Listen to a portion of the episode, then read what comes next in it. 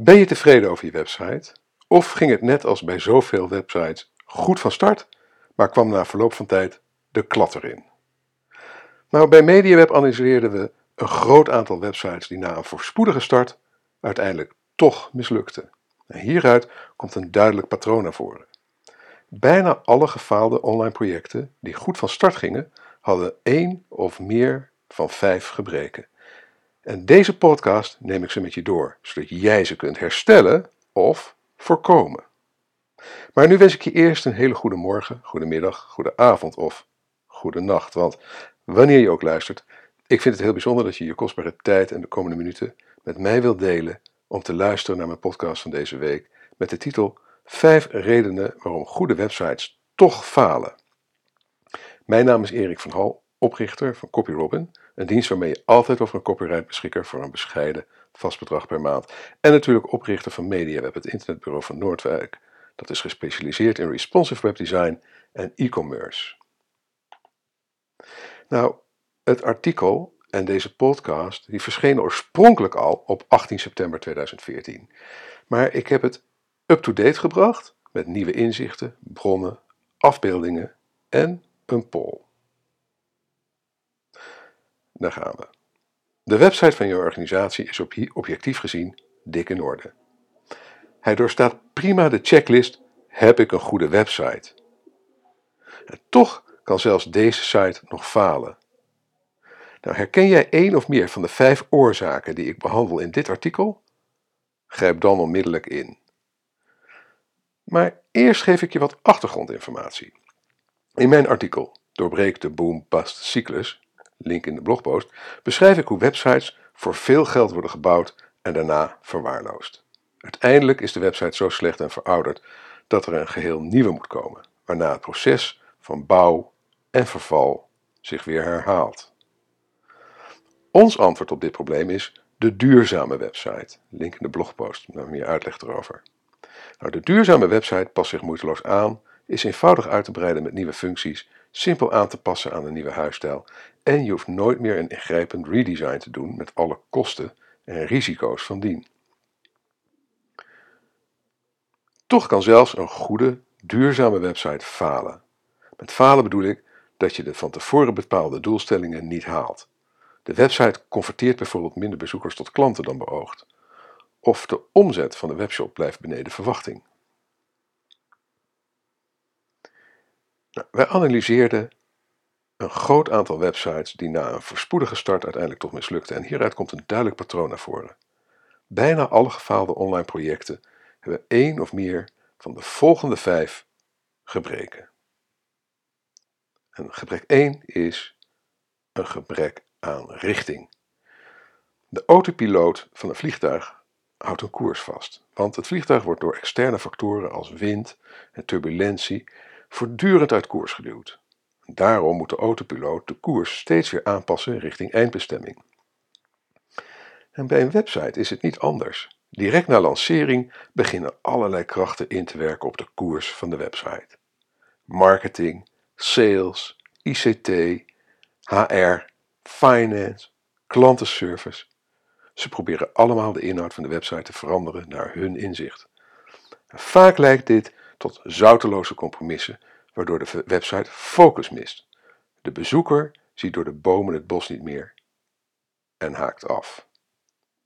Nou, de eerste aanwijzingen haal je uit de website-statistieken. Hou die dagelijks in de gaten. Maar controleer ook regelmatig, bijvoorbeeld een paar keer per maand of kwartaal, of je website Ehm, nog wel op de juiste koers ligt. Een van de beste manieren om dat te doen is door middel van een simpele test met, met echte gebruikers, een user test. Een link in de blog, blogpost naar een uh, artikel daarover. En ga ook periodiek na of de hiërarchie van de homepage nog wel aansluit bij de verwachtingen van de bezoekers. Hoe je dat doet, heb ik ook een link in de blogpost naar een artikel waar dat dat uitlegt hoe je de hiërarchie van je homepage het beste kan inrichten. En of je de verschillende doelgroepen die je, hebt, uh, die je probeert te bedienen niet beter kunt bereiken met één heldere boodschap die ze allemaal aanspreekt. En daar, ja, sorry, daar ga ik weer. Weer een link in de blogpost dus als je hier dieper op in wil gaan, dan zou ik toch ook even naar die blogpost gaan. Een link naar een artikel over chunking. En dat is een manier om uh, een duidelijke, heldere boodschap te krijgen. Overleg regelmatig met alle belanghebbenden, met de zogenaamde stakeholders van de website of deze nog aan hun wensen en verwachtingen voldoet. De actiepunten voor dit eerste gebrek, het gebrek aan richting, is test periodiek of je nog op koers ligt door de website statistieken te analyseren. Door een content audit te doen, link in de blogpost naar een artikel dat uh, alles omtrent de content audit uitlegt, gebruikerstest uit te voeren en te overleggen met de stakeholders van de website.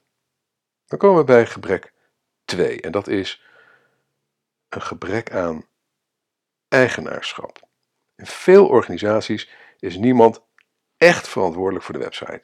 Er is niemand die eigenaar is van de site. Bij kleine bedrijven is het in theorie meestal de bedrijfseigenaar, maar die heeft het, behalve bij pure online bedrijven, heeft vaak niet voldoende voeling met het web. Maar ook is deze persoon doorgaans veel te druk met allerlei andere zaken om zijn of haar volledige aandacht aan de website te geven. Bij grotere organisaties valt de website vaak onder een marketing of ICT.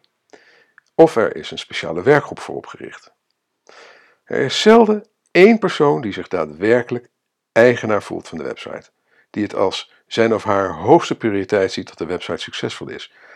Het gevolg hiervan is dat de website niet de aandacht krijgt die nodig is om er een succes van te maken. En voor elke organisatie is het dan ook van cruciaal belang dat er tenminste één iemand is die zich volledig verantwoordelijk voelt voor het succes van de website.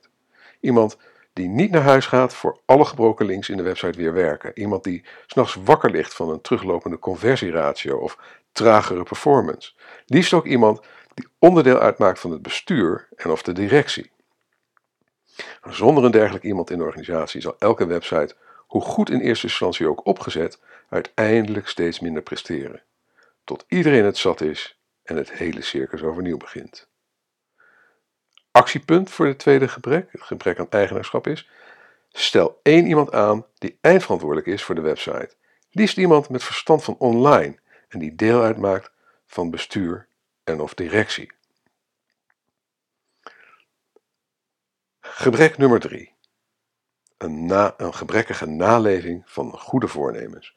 En we weten allemaal hoe moeilijk het is om goede voornemens vol te houden. Rond de jaarwisseling nemen we ons massaal voor om gezonder te eten, meer te bewegen, te stoppen met roken, meer aandacht voor onze dierbaren. Maar in het vroege voorjaar zijn de meeste goede voornemens helaas alweer verlaten. Herkenbaar? Zo gaat het ook met websites. Tijdens de fases van bureauselectie, planning en bouw is iedereen enthousiast en vol goede voornemens. Er is een contentstrategie geformuleerd, er is een werkgroep samengesteld die maandelijks bijeen gaat komen. De stemming is opperbest. De website gaat live, pers richt de wereld in, het glas wordt geheven. Maar na een maand of zes vertoont de website alweer de eerste tekenen van verval. De agenda kondigt evenementen aan die al achter de rug zijn. De wekelijkse blog is al vier weken niet verschenen. Hier en daar verschijnen gebroken links. Het productenaanbod is niet meer helemaal up-to-date. De maandelijkse bijeenkomsten van de werkgroep zijn de laatste vier maanden telkens verzet, omdat deelnemers het te druk hadden met andere, meer dringende zaken. Iedereen is weer overgegaan tot de orde van de dag. Herkenbaar? Goede voornemens zijn makkelijk zat, maar je eraan houden is verdomd moeilijk. Het vergt discipline, maar vooral ook planning van mensen en middelen. En dat laatste zien veel organisaties over het hoofd. Ze stellen mensen aan om de websites te beheren, maar maken ze niet voldoende vrij. Ze doen de werkzaamheden voor de website ernaast. Ook onderschatten veel organisaties de middelen die nodig zijn om bijvoorbeeld langdurig goede content te creëren. Actiepunten voor deze derde, voor het derde uh, gebrek. En dat is het uh, ja, het niet goed naleven van uh, goede voornemens. Nou, in een blogpost, een link in, een link in de blogpost van deze week uiteraard, content marketing is duursport, zo houd je het vol. En geef al een aantal tips hoe je goede voornemens kunt volhouden, maar ik zal ze kort voor je samenvatten. Zorg voor reminders. Herinner jezelf systematisch en dagelijks aan je doelen. Gebruik een redactionele kalender. Stel een kalender op met de verschijningsdata voor de komende toekomstige artikelen en deel die met je team. Gebruik routine triggers. Lift mee op gewoonten die je al hebt. Plan bijvoorbeeld het analyseren van je websitestatistieken op een vast moment. En blijf positief. Als de klad erin is gekomen doordat je heel veel dringend ander werk moest doen, niet opgeven, gewoon weer oppakken. Vierde reden waarom goede websites toch falen is een gebrekkige ondersteuning op het gebied van social media en e-mail. Een website staat vandaag de dag niet meer op zichzelf. Als het goed is, is de website van je organisatie een onderdeel van een groter online ecosysteem. Een ecosysteem dat naast de website bestaat uit bijvoorbeeld een mailinglist, Facebook, LinkedIn, Twitter, YouTube en eventueel andere social media, zoals Instagram, Pinterest en Snapchat. Maar een website zonder de ondersteuning van social media heeft een veel kleinere kans van slagen. Klanten verwachten gewoon weg van de organisatie dat die op social media actief is, dat ze die via social media kunnen bereiken en dat ze via social media op de hoogte blijven. Er zijn maar weinig websites waar bezoekers uit zichzelf regelmatig langs gaan. Ja, Facebook. Nou, op eigen kracht blijft vrijwel geen enkele website top of mind. Social media en mailinglists zijn daarom essentieel om je organisatie top of mind te houden bij haar fans. Daarvoor moet je natuurlijk wel actief zijn op social media met content die je volgers nieuwsgierig maakt naar wat je organisatie te bieden heeft. Veel bedrijven maken daarbij helaas de fout om social media op dezelfde manier te gebruiken als traditionele massamedia. Ze zenden, zenden, zenden. Je Facebook newsfeed is niet de plek waar je uitsluitend persberichten en bedrijfsnieuws plaatst. Bij social media draait het juist om het bouwen van relaties en het aangaan van conversaties. Post daarom vooral informatieve en, of vermakelijke content die waardevol is voor je volgers. Je website en je social media dienen dan ook optimaal samen te werken volgens een goed doordachte contentstrategie. via social media trek je de aandacht waarna je via je website de honger naar informatie en of vermaak van je doelgroep stilt. Actiepunten voor dit vierde punt, het gebrek aan social media en e-mailmarketing. Verdiep je in de materie hoe je social media effectief inzet als bedrijf. Lees daarvoor een boek van Gary uh, Vaynerchuk um, en een boek van Jay Bear. Uh, dat boek van Jay Bear dat was uh, Utility. Het boek van Gary Vaynerchuk is, denk ik, Jab, Jab, Jab, Right Hook. En ik heb uiteraard linkjes in de blogpost naar die boeken, zodat je ze kan bekijken. En gebruik tijdbesparende tools om je social media inspanningen zo efficiënt mogelijk te maken. Link naar een blogpost met een aantal tijdbesparende tools op het gebied van social media marketing. En dan kom ik alweer bij gebrek nummer 5. En dat is ook een hele belangrijke. En dat is namelijk het gebrek aan doorlopende investeringen. Een website is als een hongerig dier dat continu verzorging behoeft. Zonder deze verzorging verouderen websites in een razend tempo. Ze gaan er verwaarloosd uitzien en falen uiteindelijk. Nadat een website live staat, begint namelijk pas het echte werk. Een website is immers nooit af. Zakelijke doelstellingen veranderen, bezoekers veranderen, technieken veranderen en de apparaten waarmee mensen websites bezoeken veranderen. Dat betekent continu werk aan de winkel voor de beheerders van websites. Werk dat onder andere bestaat uit de volgende periodieke taken. Website statistieken analyseren, AB en multivariate tests en andere experimenten, user testing, content creatie, technisch onderhoud, het repareren van gebroken links bijvoorbeeld, testen van kritieke paden, zoals een winkelmandje, testen van performance, snelheid, updaten van CMS en van plugins, jaarlijks een uitgebreide content audit, inspelen op nieuwe ontwikkelingen, veel organisaties trekken echter alleen een budget uit voor de eenmalige investering in een website en schrijven dat in bijvoorbeeld drie jaar af. daarna is er weer een budget voor een eenmalige grotere uitgave om een nieuwe website te laten bouwen. Tussentijds is er echter amper budget voor de periodieke taken. De meeste organisaties onderschatten dan ook de hoogte van de benodigde doorlopende investeringen.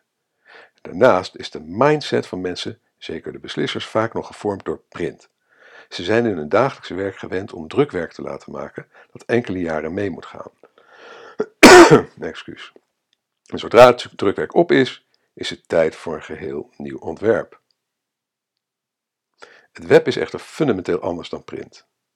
Open deur zul je zeggen, inderdaad, maar waarom is deze boom-bust-cyclus dan nog steeds gemeengoed?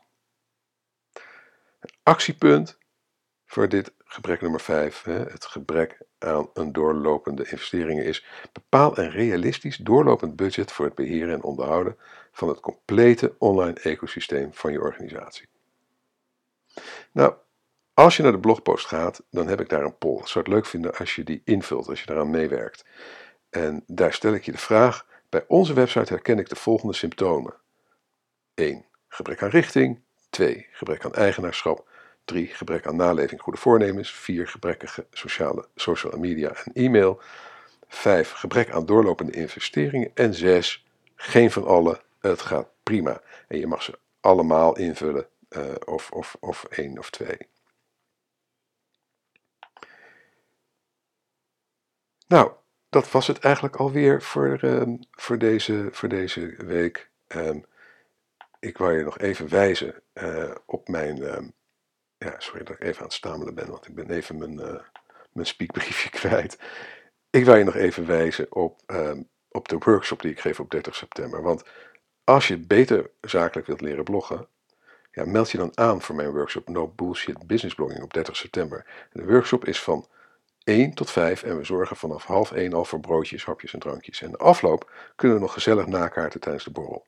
Als luisteraar van deze podcast krijg je 50% korting op de prijs van 60 euro ex-BTW. Gebruik daarvoor deze speciale link en dan komt die http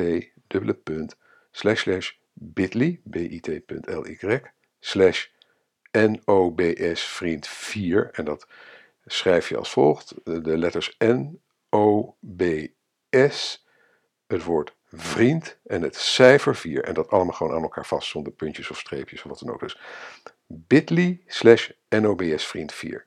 En je loopt geen enkel risico, want je kunt tot 28 september kosteloos annuleren en bovendien krijg je van mij een unieke totale tevredenheidsgarantie. En dat betekent dat ik je niet alleen je geld teruggeef, maar ook je tijd en reiskosten vergoed als je na afloop niet tevreden bent over de workshop. Maar bedankt voor het luisteren. Als je graag elke week een notificatie wilt ontvangen met het onderwerp van de blogpost en podcast, schrijf je dan in op onze nieuwsbrief via bit.ly slash mediaweb-nieuwsbrief. Je kunt dan bovendien gratis deel 1 van mijn e-book Online Marketing Checklist en nog een aantal andere fraaie goodies downloaden. Maar als je met plezier hebt geluisterd en je bent nog niet geabonneerd op deze podcast, abonneer je dan via iTunes of Soundcloud. En als je vindt dat andere online marketers en of entrepreneurs naar deze podcast zouden moeten luisteren, laat dan een review achter bij iTunes of SoundCloud en deel deze podcast met je sociale netwerken. Je kunt ook deelnemen aan de conversatie over dit onderwerp door een reactie achter te laten onder de blogpost op onze website mediaweb.nl. Nogmaals, heel erg bedankt voor je aandacht en je tijd en tot de volgende keer.